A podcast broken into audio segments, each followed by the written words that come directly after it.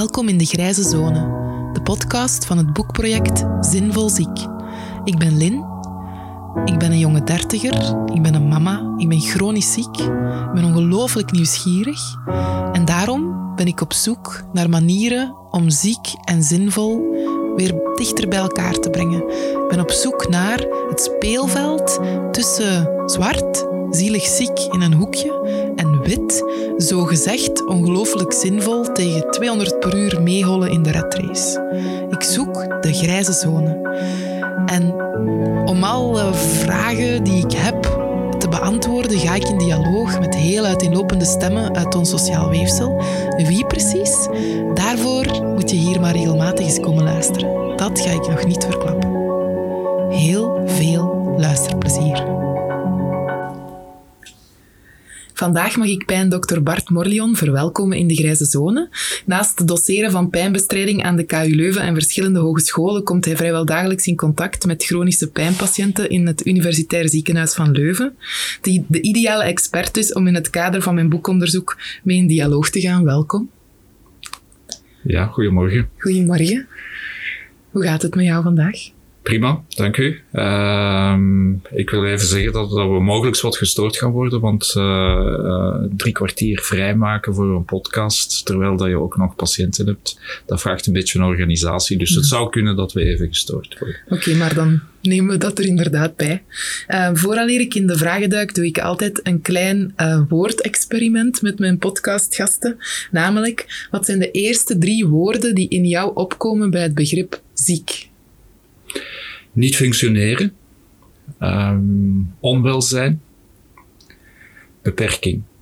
En als je hetzelfde doet bij het begrip zinvol?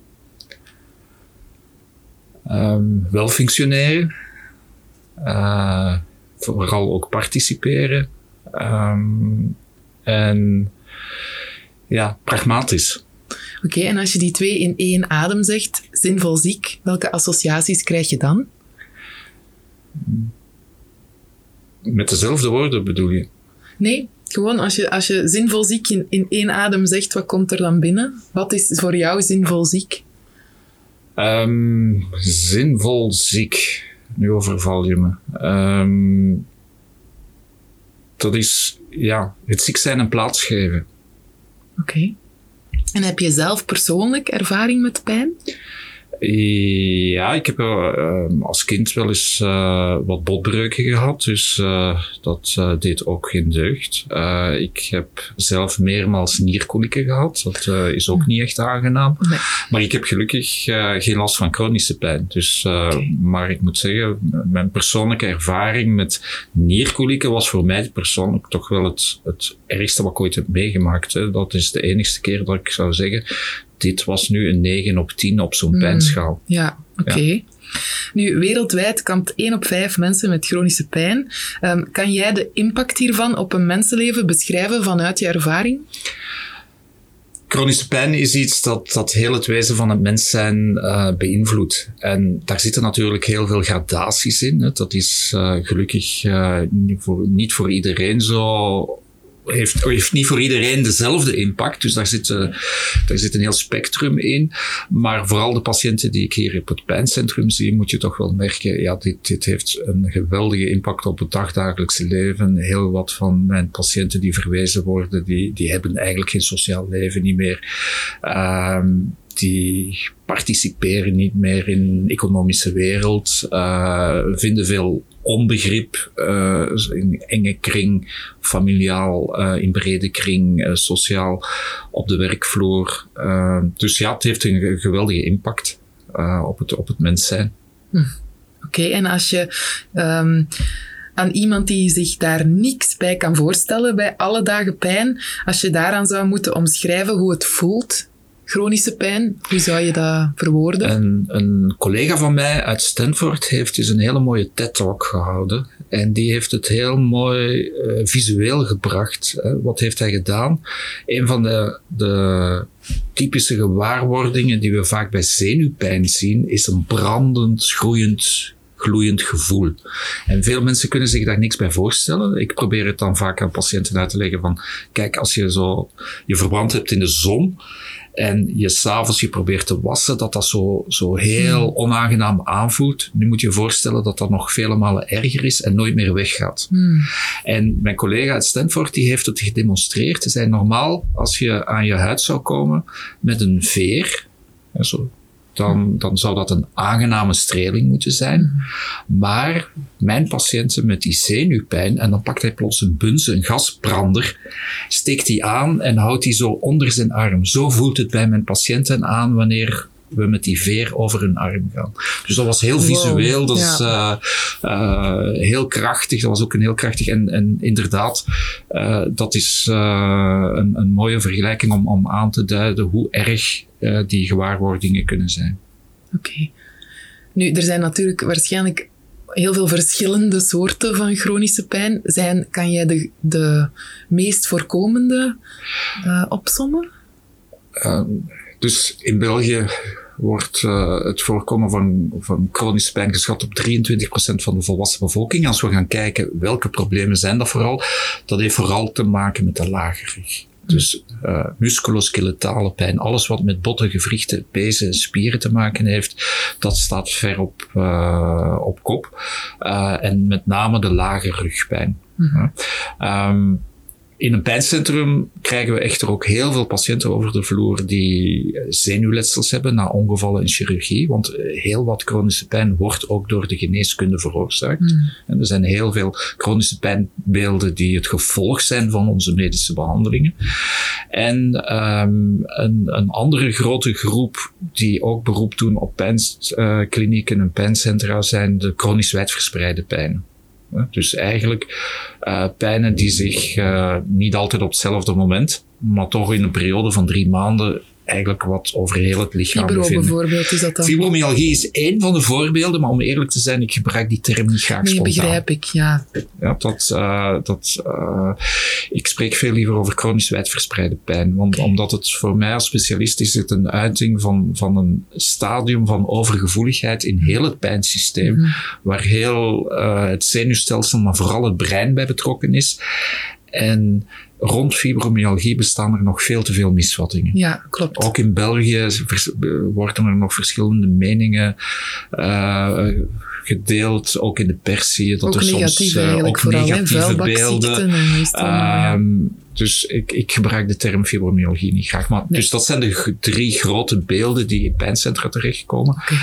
Maar er zijn er nog veel meer hoor. Ja, ja, ja. uiteraard. Maar ja, de, de, ay, het is relevant om te weten wat het Ja, wat vooral die musculoskeletale. Ja, ja. oké. Okay. En ja, je schrijft op dit moment een boek over pijn. Wat mogen we verwachten? Een, uh, een poging om het brede publiek zo zo goed mogelijk te bereiken om wat meer te vertellen over het begrip pijn. Wat is het? Wat betekent het? Wat doet het met een mens? Um, en vooral in, in het boek wil ik vooral ook een beetje breder gaan dan de, de klassieke um, rol van medicus, die eigenlijk in, meestal in, ook in België nog opgeleid is om tussen beiden te komen als het al te laat is. Hmm. Ik wil daar ook een, een, uh, ja, een lans breken voor uh, het belang van levensstijl, het belang van beweging, het belang van uh, gezonde voeding bijvoorbeeld. Sommigen gaan het misschien wat, wat melig vinden en wat alternatief. Uh, maar uh, dat zijn elementen waar meer en meer wetenschappelijke uh, bewijskracht voor is. Hmm. En ik, ik wil dat ook meegeven. Hè. En eigenlijk, als je een, het moet samenvatten, het, het boek zal erop neerkomen. Ik wil de mensen overtuigen dat pijnbestrijding bijvoorbeeld meer is dan een pilletje en een Ja, spuitje. uiteraard. Maar er zit dus ook een heel stuk preventie in, als ik het... Allee.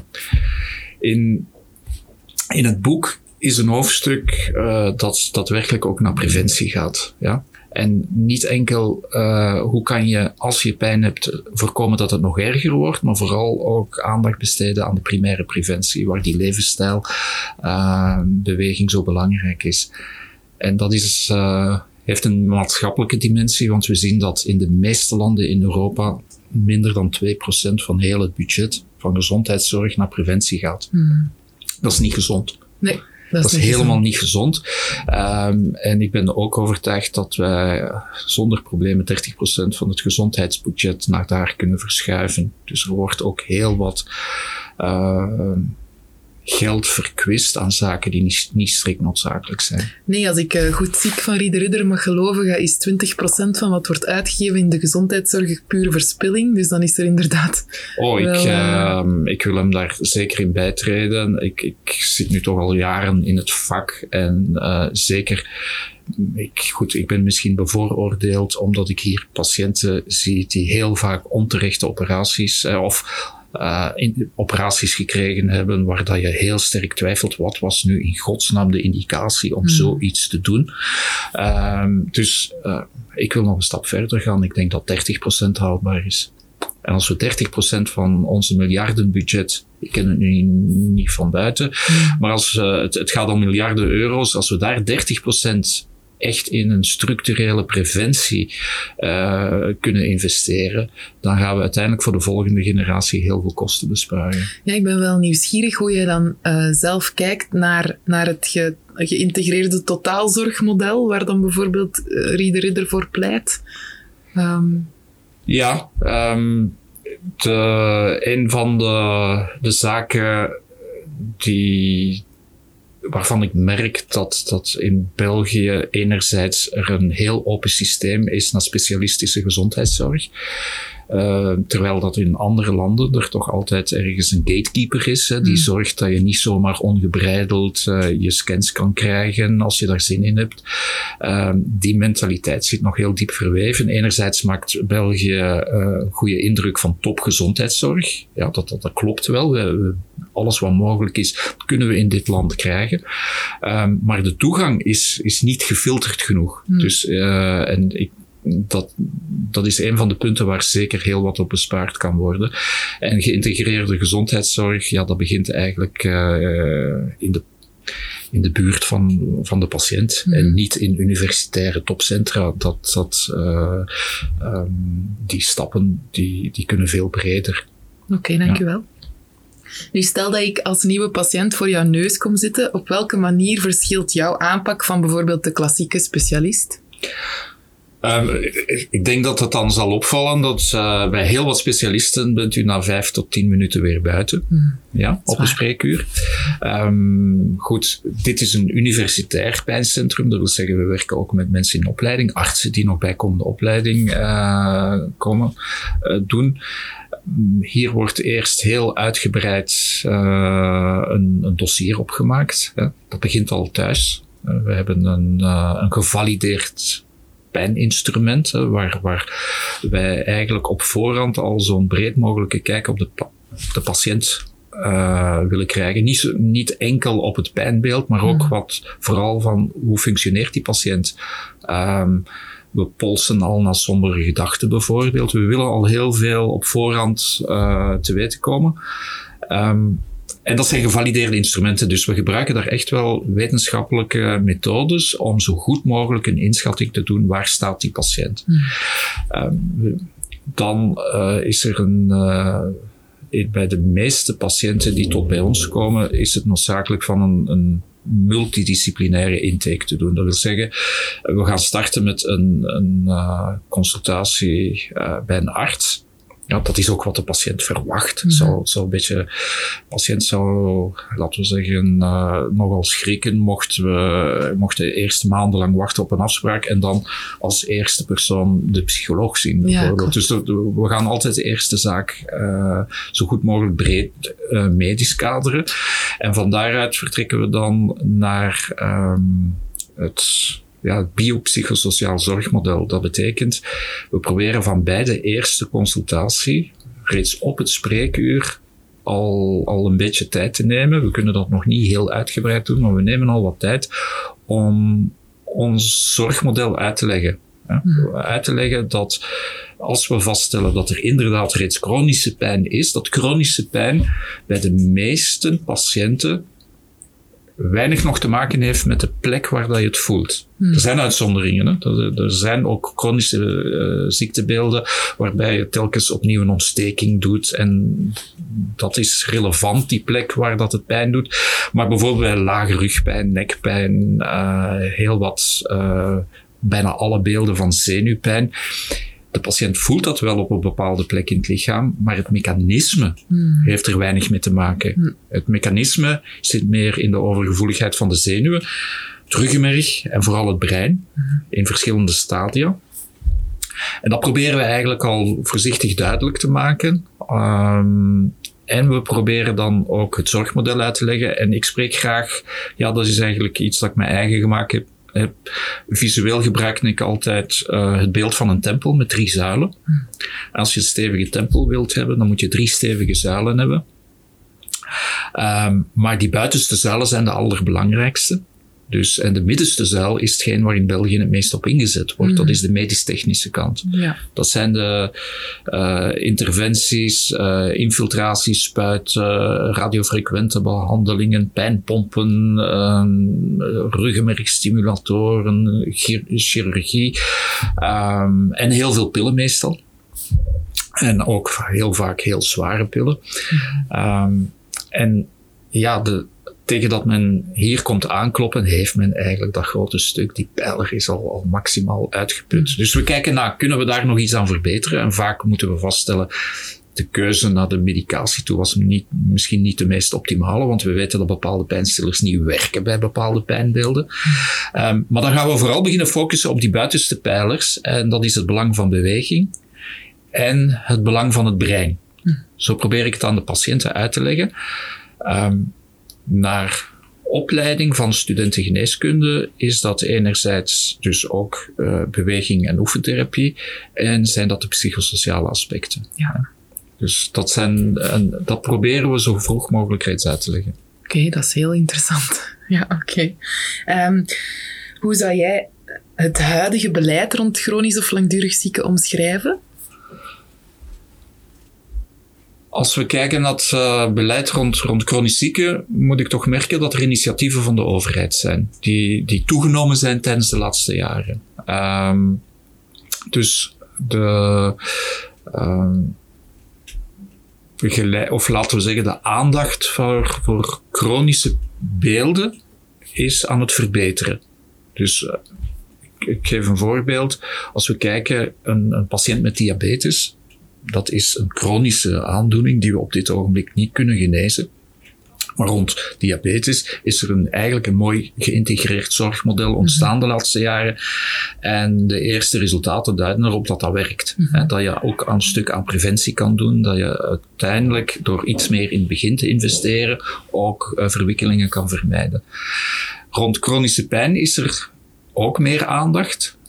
In België hebben we um, toch, toch de installatie van pijncentra, die door de overheid erkend uh, werden, al, al meerdere jaren geleden uh, gehad. Um, maar het, het zorgmodel is nog niet geïntegreerd genoeg. Dat wil zeggen, we zitten enerzijds te werken in uh, wat ik zou noemen silo's van pijncentra. En de interactie met de, de eerste lijnsgezondheidszorg, hmm. Die verloopt niet altijd optimaal. Nee. Om niet te zeggen soms heel moeilijk. Mm -hmm. En in andere situaties uh, zou je heel graag de patiënt uh, wel een goed strijdplan kunnen meegeven van kijk, u, u, bent tijdelijk nu in begeleiding geweest bij ons. We denken dat je daar en daar moet op inzetten.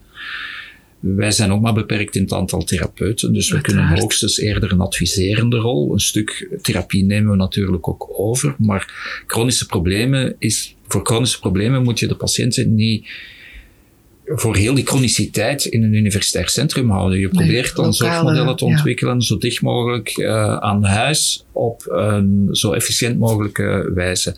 En daar ontbreekt het nog aan bijvoorbeeld de mogelijkheid om, ja, we denken dat die patiënt beter kan functioneren als hij tenminste regelmatig ook eens bij een, een uh, psycholoog in de buurt zou kunnen aankloppen.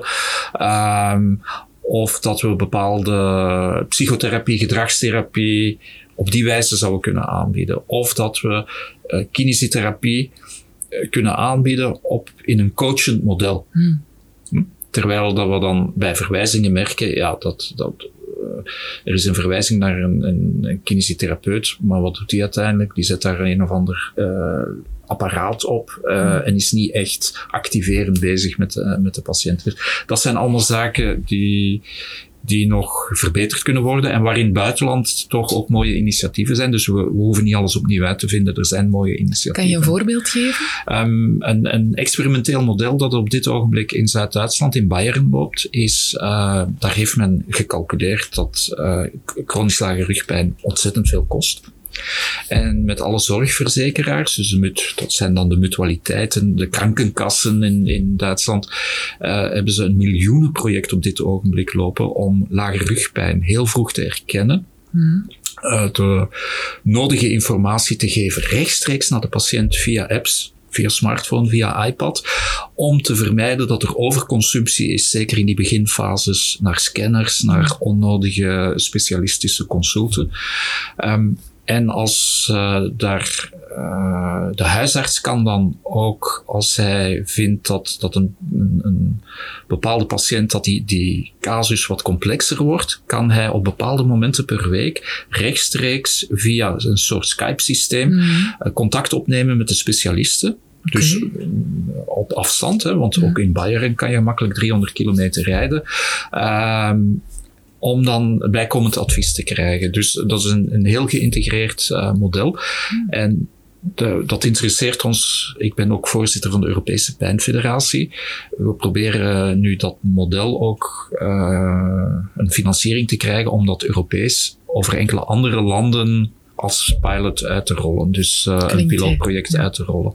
Dat is, dat is een van de voorbeelden waar ik de details goed van ken. Um, in bepaalde andere landen uh, is die gatekeeper, dus de, de poortwacht. Hè? Een huisarts die, die echt overwaakt dat de, de juiste consulten uh, aangevraagd worden, dat een patiënt niet zelf begint te shoppen in het systeem. Die sturing, mm. um, die is beter georganiseerd. Natuurlijk, de andere, de keerzijde daarvan is dat vele patiënten zeggen, ja, maar we betalen veel voor ons gezondheidssysteem en we willen een stuk privacy en zelfstandigheid hmm. in, in onze keuze. Dus die vrije artskeuze in België, die is enerzijds ja, geweldig voor het individu, hmm. maar niet altijd de meest uh, efficiënte oplossing voor de maatschappij. Nee, oké. Okay. En uh, wat is jouw kijk op uh, de reïntegratietrajecten? We zijn zelf betrokken bij reïntegratietrajecten uh, voor uh, chronische pijnpatiënten. Dat, dit zijn studies. Ja, dus we, we, doen dit nog op een experimentele basis. We proberen het gewone systeemtraject te vergelijken met een systeem waarbij wij de mensen die met arbeidsreïntegratie bezig zijn, die halen wij, hebben wij nu op de vloer in het ziekenhuis gehaald. Dus op bepaalde dagen zijn uh, mensen, arbeidstrajectbegeleiders van verschillende um, organisaties komen naar hier en hebben afspraak met onze patiënten. Hmm. En we zijn nu aan het uh, analyseren wat de meerwaarde daarvan is. Nu moet ik uh, onmiddellijk erbij zetten, zeggen dat uh, het initiatief we, we, geloven daarin. We denken dat uh, medische zorg, vooral bij chronische pijn, waar de functie zo belangrijk is, dat de sociale participatie onderdeel is van het behandeltraject. Ja. ja dus die, en dat wordt altijd, de meeste patiënten willen daar niet veel van horen. Die zeggen, ja, maar ik heb pijn in mijn rug, het is daar dat je moet naar kijken. Terwijl dat, um, net alle mechanismen die kunnen maken dat je brein gefocust met iets kan bezig zijn, zo waardevol zijn in de behandeling van hmm. pijn. Mm. En een van de krachtigste cognitieve modulaties, zo noemen we die denk- en leerprocessen, uh, die breinprocessen die kunnen bijdragen tot, tot uh, pijndemping. Of uh, laten we zeggen, minder gefocust bezig zijn met pijn. Dat is de job. De job, ja, absoluut. Ja, de job. En vooral als het een job is waarin je je goed voelt en, en, en goed, uh, waar je ook wat bevlogen in kan zijn. En die bevlogenheid is natuurlijk moeilijk als je mm. laag geschoold bent. Um, de arbeidsmarkt uh, keihard is op dat vlak. En ook een belemmering die, die ik toch dagelijks vaststel hier in contact met patiënten. Wanneer zelfs gemotiveerde patiënten die, die aanvaarden van ja, die job is belangrijk voor mij, die moeten vaststellen dat als zij dan opeens kinderopvang moeten bezorgen en transport moeten bezorgen om die job waar te maken, dat zij netto minder verdienen dan in een invaliditeitssysteem. Ja. En dit, dit is echt iets dat, uh, ja, waar ik het persoonlijk heel moeilijk mee heb. Ja, maar er is dus, natuurlijk... Dus de, de, de trap. Um, en er zijn heel veel tussengradaties mogelijk die nu meer en meer geëxploreerd worden. Hmm. Wij helpen hier ook mensen aan Vlaamse ondersteuningspremie als wij dat zinvol vinden. Uh, dus waarbij de arbeidgever eigenlijk een steuntje in de rug krijgt om toch iemand met die wat beperkter is in de uren of uh, wat aanpassingen op de werkplek nodig heeft, dat dat kan gefinancierd worden. Ja. Zolang dat we er maar voor zorgen dat de patiënt enige vorm van, van sociale en ook economische participatie heeft. Maar is er ook niet, dat voelt alsof dat toch ook nog ontbreekt, een, een belangrijke sensibiliserende rol naar bazen en naar collega's toe. Want um, daar hoor je toch veel. De vooroordelen over mensen die chronisch ziek zijn, zijn gigantisch. En ja, gaat die dat nog kunnen? Gaat die niet uitvallen? Gaat die niet weer al uitvallen? Gaat die niet hervallen? Gaat die niet... Dus de, de goesting is er niet altijd, denk ik, om ja, iemand dan, uh, in dan, dienst te uh, nemen. Uh, wil ik heel frank zijn en dan er nog bij zeggen, het zijn vaak ook dan de enkele uh, overwegingen bij vooral vrouwen, want veel van onze patiënten zijn nu eenmaal vrouwelijke patiënten. Um, en, en daar zijn, we weten dat, dat chronische pijn toch vaker voorkomt bij vrouwen dan bij mannen. Maar dezelfde overweging heb je dan uh, chronische pijn. En ze zou nog zwanger kunnen worden. En uh, ja, dat komt er nog bij. Hè. We ja, hebben hier absoluut. al heel wat zaken uh, mm. meegemaakt. Hè. Um, ja, vooroordelen.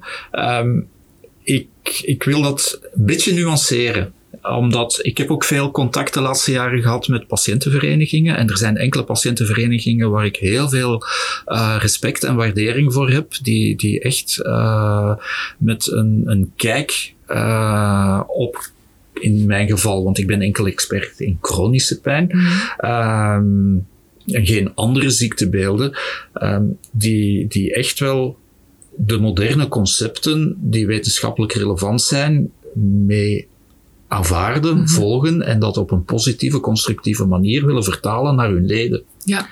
Maar tegelijk ben ik ook op uh, patiëntengroeperingen gestoten waar eigenlijk altijd maar, ja, die nogal oneerbiedig activisten voor maximale sociale benefits. Mm. Die, die enkel, die, die enkel uh, hun, hun activiteit richten op van uh, wij moeten nog meer uh, netto overhouden, dit moet nog verbeterd worden, dat moet worden. Maar als het dan op een discussie aangaat, ja, maar wat doet u zelf nu? Ja, dat we toch nog altijd die heel passieve ja. uh, denkwijze terugvinden. En dat is nu net uh, heel contraproductief in chronische ja. pijn. Dus ik, uh, ja, ik ben mm. een believer in patiëntgeïntegreerde zorg in de zin dat ook in het beleid de patiënten geïntegreerd moeten worden. Mm -hmm. Ik heb, ben zelf dat aan het omzetten op Europees niveau.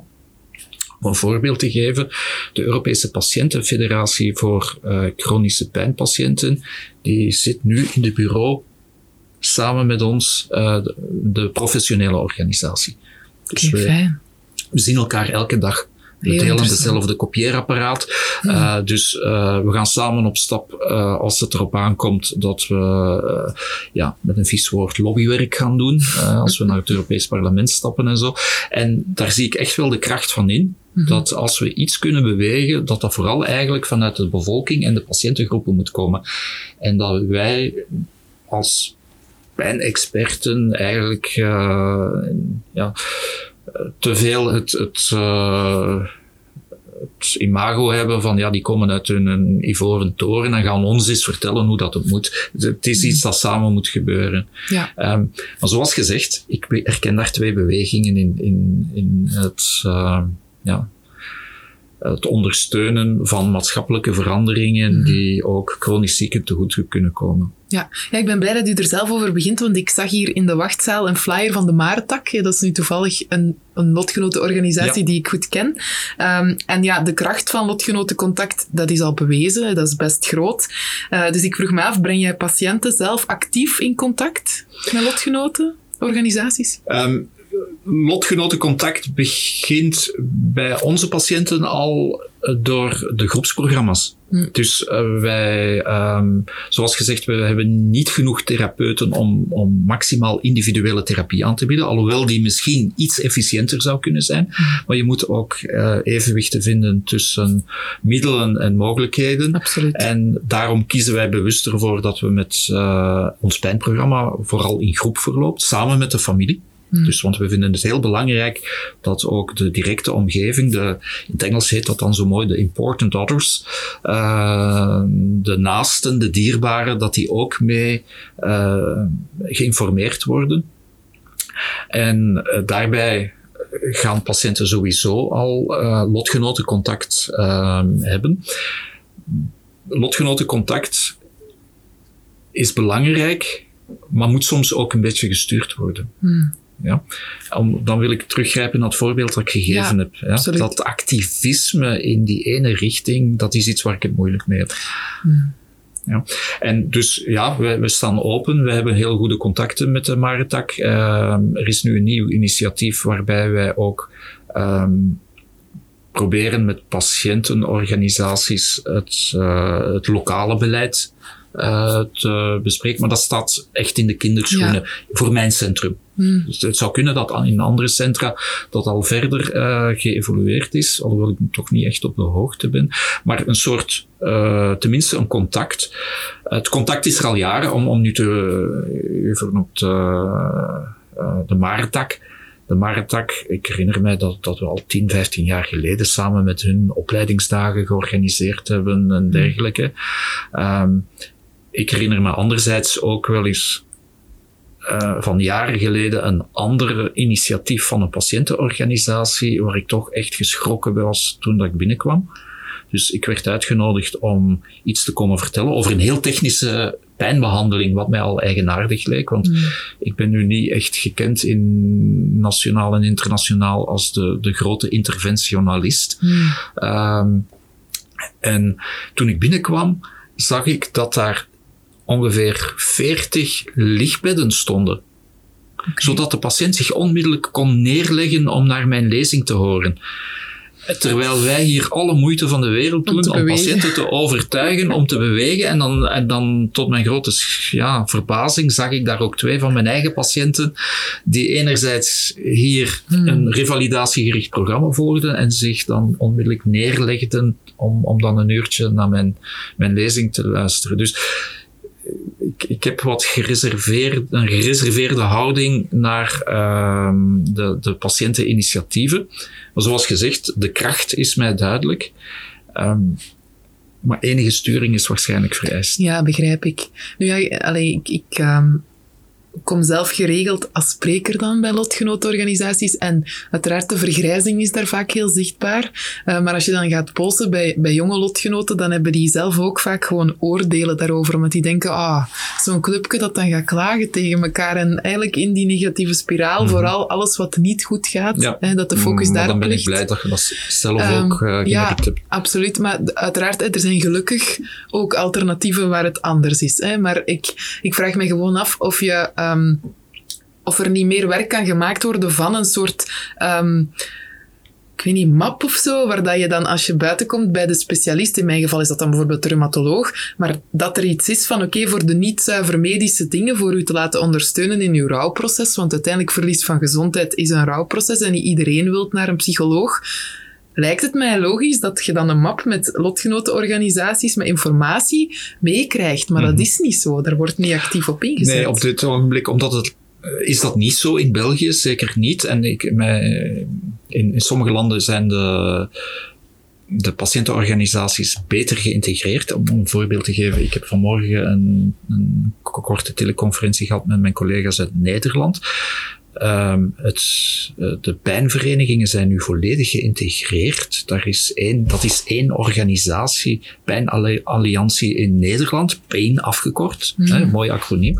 Ehm, dat wordt meebestuurd door de patiëntenorganisatie samen met uh, de medische experten, samen met de fysiotherapeuten, want zo heet dat daar, hè, dat, uh, psychologen. Dus dat, dat is, die zijn er toch beter in geslaagd en die hebben ook, merk ik, nu meer kracht om naar het beleid, op het beleid te wegen. Ja. Want de, hun, hun, in Nederland bestaan richtlijnen of zorgmodellen en zij slagen er nu stilaan in van chronische pijn ook in dit volledig geïntegreerde zorgmodel te krijgen.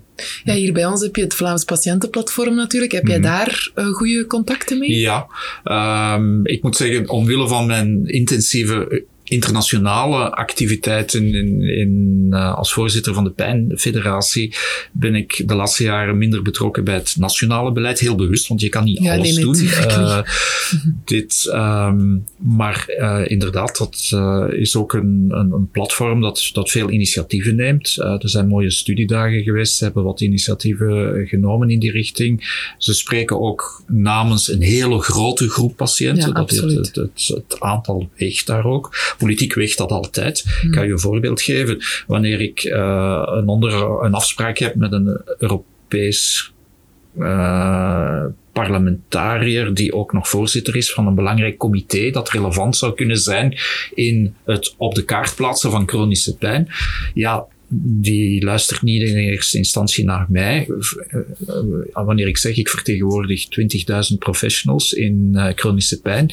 Nee, mijn collega van uh, de Pijnalliantie, die de patiënten vertegenwoordigt, die zegt, ja, ik sta voor 600.000 Europeanen en die, uh, die parlementariërs, die zijn ogen flikkeren naar de potentiële kiezers aan de andere kant. Ja, dat, dat zijn de mechanismen die werken en hmm. de, het, het verenigen van al die initiatieven heeft een, kan een hefboom hebben. Maar bedenk wel dat wij in, in België met een ontzettend ja, gefragmenteerd landschap zitten. Hè. De verzuiling trekt zich ook uh, op heel veel vlakken nog altijd door. Ja, en inderdaad, ik denk, wacht, hè, zijn het er acht of negen of zeven ministers betrokken bij volksgezondheid? Ook dat ja, alleen en, al is. Ja. En het welzijn zit dan, enerzijds gezondheidszorg zit dan, blijft een federale uh, bevoegdheid. Maar als het dan je gaf het voorbeeld van, ja, ik wil dan eerder zo een soort uh, roadmap hebben van wat uh, ja. een handboek, uh, die structuren. Heel veel van die elementen zijn niet federaal, ja. die, zijn, die zijn op Vlaams niveau mm. geregeld. Mm. Ook de patiëntenorganisaties zien we enorme verschillen. Ik, ja, als je in het zuiden van het land gaat kijken en spreken met patiëntenorganisaties, die, cultureel verschilt dit zo sterk van de Vlaamse patiëntenorganisaties, dat dat al een moeilijke factor is om, om die hmm. met één stem te doen spreken. Ja, dat begrijp ik. Oké, okay, en naast lotgenotencontact um, wou ik je ook nog iets vragen over ervaringsdeskundigheid. Hoe kijk je daarnaar? Uh, kan heel waardevol zijn, ja. Um, wij hebben tot nu toe nog maar beperkt daar gebruik van gemaakt. En, uh, maar dat is een van de initiatieven waar we nu uh, toch de, laten we zeggen, uh, de eerste afspraken rond gemaakt hebben om rond tafel te gaan zitten. Onder andere met vertegenwoordigers van de Martak. Mm. Ja, omdat zij ook hier in de buurt heel actief zijn. Um, van hoe kunnen we eventueel ook bepaalde activiteiten um, naar enerzijds een, een positief gericht pijnrevalidatieprogramma, kunnen we daar ook meer beroep doen op ervaringsdeskundigen. We hebben in het verleden, op vraag van het uh, patiëntenplatform, dat de naam was toen nog anders, ja. ja dus uh, de naam wijzigt wel eens, hebben wij uh, met heel ons team ook twee dagen geïnvesteerd in het opleiding in opleiding geven aan ervaringsdeskundigen die dan ingezet zouden worden op informatiedagen en dergelijke. Dus ja. uh, dit is nog iets anders dan geïntegreerd inbouwen van ervaringsdeskundigen. Sorry, ik heb je microfoon aangeraakt. Um, in, in de dagelijkse zorg. Hm. Ja, want er is nu toch zoiets als het uh, Patient Expert Center dat is opgericht, hè, om dan per grote uh, groep van ziekten, zal ik maar zeggen, mm. echt ex eh, patiëntexperten op te leiden, waarbij inderdaad, ik heb zelf zo'n opleiding gevolgd voor, voor reuma dan, waarbij dan ook effectief uh, eh, professor reumatologie, eh, een, een zaterdag komt u echt eh, lesgeven over wat je Ja. moet weten, basis over reuma, als je bijvoorbeeld een getuigenis zou moeten gaan geven bij een lotgenotenorganisatie, dat je heel helder het verschil tussen artritis en artrose en alle dingen kunt, kunt eh, doen. Ehm, maar ja, ze willen daar uiteraard verder mee gaan. Ze willen ons ook inschakelen in beginstadia van eh, bijvoorbeeld eh, trajecten die dan mee door pharma worden gegeven of, of om ons... Allee, en dus het, ik zie er het nut wel van in, maar zie jij ook valkuilen? Ja, ehm, directe vraag, direct antwoord. Er zijn ook valkuilen. Eh, het, het voorbeeld van in de reumatologie ken ik relatief goed, omdat op Europees niveau dat een heel krachtige organisatie is die heel sterk mee patiënt gestuurd wordt. Dus dat is een van, van onze ehm, ja, voorbeelden om, om onze eigen organisatie ook wat aan te passen. We kijken naar bijvoorbeeld Eular, hoe doen zij dat? voilà. Een van de valkuilen is, en je hebt het heel kort aangehaald, pharma. Hmm. Eh, er zijn ook mechanismen, en dit is een van de mechanismen die mee verantwoordelijk gesteld wordt voor, op het vlak van pijn bijvoorbeeld in de Verenigde Staten. Iedereen eh, leest en hoort nu rond de opioid epidemic in de Verenigde Staten. Een van de problemen die aange, of aangesproken worden als oorzaken daarvan, is het beïnvloeden van patiëntenorganisaties, maar ook van professionele organisaties, door uh, farmabedrijven, door commerciële bedrijven. Hmm. En dit is iets dat uh, heel nauwkeurig bewaakt moet worden. Er, er zijn synergieën mogelijk. Ik, ik, ben ook niet iemand die denkt van, uh, dit is iets dat helemaal niet kan, een bepaalde samenwerking. Um, uh, sommige uh, budgetten rond uh, bijvoorbeeld sensibilisatiecampagnes zijn eigenlijk enkel bijna mogelijk met de steun van pharma. maar het uh, gericht zijn op bepaalde producten moet ontzettend sterk bewaakt worden. Ja, ja, Want anders uh, gaat men heel snel doorhebben, ja, maar hier laten zich mensen voor hun kar spannen Mm. van, de, van de commerciële belangen. Dus, en vermits patiëntenorganisaties vaak nog moeilijker te financieren zijn Hmm. dan professionele organisaties, zijn zij daar vatbaarder voor. Dus Ja. dat zou ik toch uh, als een mogelijke valkuil zien. Oké. Okay. Hm. Maar je hoort ook bijvoorbeeld dat als het is van ervaringsdeskundigheid uh, in beleidsvoering Mhm. rechtstreeks inbrengen, dan hoor je vaak zo de, de bedenking dat de, dat de getuigenissen die patiënten zouden komen brengen uh, in het halfrond, dat die dan te gekleurd zouden zijn door emoties of dat mensen niet in staat zijn om hun persoonlijk verhaal te overstijgen, is vaak de kritiek die je hoort om niet aan te moedigen dat uh, chronisch zieken bijvoorbeeld zelf een zegje hebben in hoe het beleid wordt gevoerd rond chronisch zieken. En daar wil ik toch ook nog vragen. Ja. Maar dit trekt zich door in heel ons maatschappij. Hè. Wie, wie kiezen wij om ons te vertegenwoordigen? Dat zijn toch meestal de mensen die goed geïnformeerd zijn. Um, Zou je hopen? Uh, mogen we hopen. Maar vooral uh, die toch enige mondigheid hebben om hun boodschap te brengen. Want anders uh, word je niet verkozen. Hmm. Ja. En zo zie ik eigenlijk ook het belang binnen patiëntenorganisaties. Patiëntenorganisaties hebben zeker ook binnen hun leden mensen die dat in hun marge hebben. En die, die keuzes moeten ook bewust gemaakt worden. En dat is wat ik daar, ja, daarnet bedoelde met enige sturing uh, is ook nodig.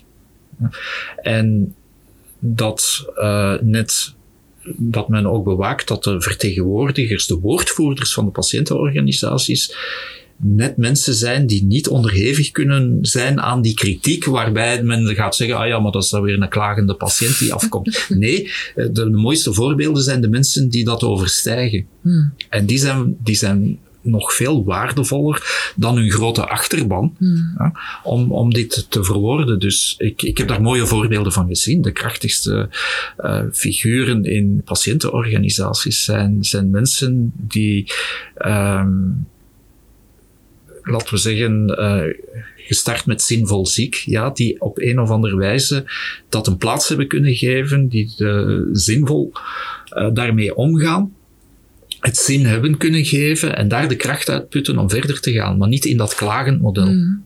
Nee, oké, mooi. En heb jij nog, afsluitend, heb jij nog een, een warme boodschap aan de langdurig zieken? Want we zijn met veel. Ja, iets persoonlijk dat je nog zou willen delen? Um, klinkt misschien, uh, ja, wat, wat, hoe moet ik zeggen? Ja.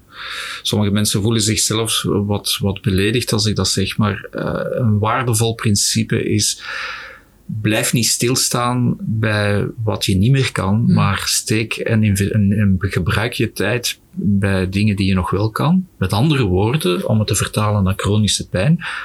Er zijn chronische pijnen die je brein en zenuwstelsel zo doorheen geschud hebben dat wij op dit ogenblik het niet gerepareerd krijgen. Um, maar het heeft ook geen, geen zin van daar uren, dagen, weken, maanden uh, over te treuren. Ja. Terwijl dat er bij ieder, bij elke mens zijn er nog elementen die de moeite zijn om daar je tijd op een positieve manier in te steken. En degene, de, mijn patiënten die, die die klik hebben kunnen maken, dat zijn de mensen waarvan ik merk, ja, die kunnen er ook alleen tegenaan. Die hebben niet heel die complexe uh, ondersteunende uh, gezondheidszorg nodig om verder dit een plaats in hun leven te geven. En die gaan ook nog pijn hebben, dat weten we ook. Uh, die gaan ook hun slechte dagen hebben. Maar die zijn beter gewapend om mhm. zich dan niet volledig te laten te af, afgeleiden. Dus een, een Sommigen vinden het kort door de bocht, maar ik, ik geloof in het principe dat het waardevol is tijd te steken in dingen die je wel kan veranderen. Oké, nee, dat vind ik. Ik zelf ben helemaal pro. Ik ben uh, een, een, hele believer in, uh, in net dat, allee, die klik, dat omdenken en er iets mee doen. Maar natuurlijk, het speelveld moet ruim genoeg zijn. Dus heb je ook nog, allee, om, om, om dan, als je, als je de, je zingeving gevonden hebt, om die kans dan ook te krijgen om er iets mee te doen. Mm -hmm. Dus heb je ook nog een boodschap voor beleid. Het, uh, ik, misschien niet wat, uh, wat onmiddellijk aansluit bij, bij wat je bedoelt, maar ik blijf pleiten, kijk, we moeten de, de bocht, de U-turn maken naar preventie. En als, uh, dat is zo belangrijk. De primaire preventie, dat, dat start al in de kleuterklas. We gaan, het, het, heeft geen zin van kinderen urenlang te laten zitten, bij wijze van spreken. Want je kweekt al uh, negatieve gezondheidsstijl aan over naar de toekomst.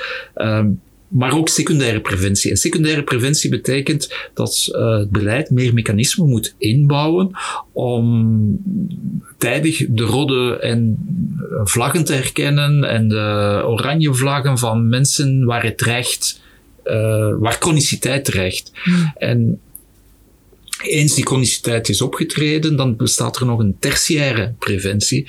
Dat is hoe kan je die, die chroniciteit en de impact van die chroniciteit binnen de perken houden. En dat is een, een zaak waar dat uh, beleidsmatig veel meer nog moet op, op ingezet worden. En dat is enkel mogelijk. Ik ben, ik ben geen pleitbezorger voor uitbreiding van de budgetten voor gezondheidszorg, omdat ik denk dat ze niet altijd uh, doelmatig uh, gebruikt worden, maar om daar duidelijke verschuivingen te doen. Mm -hmm. Oké, okay. heel erg bedankt voor uw tijd. Graag gedaan.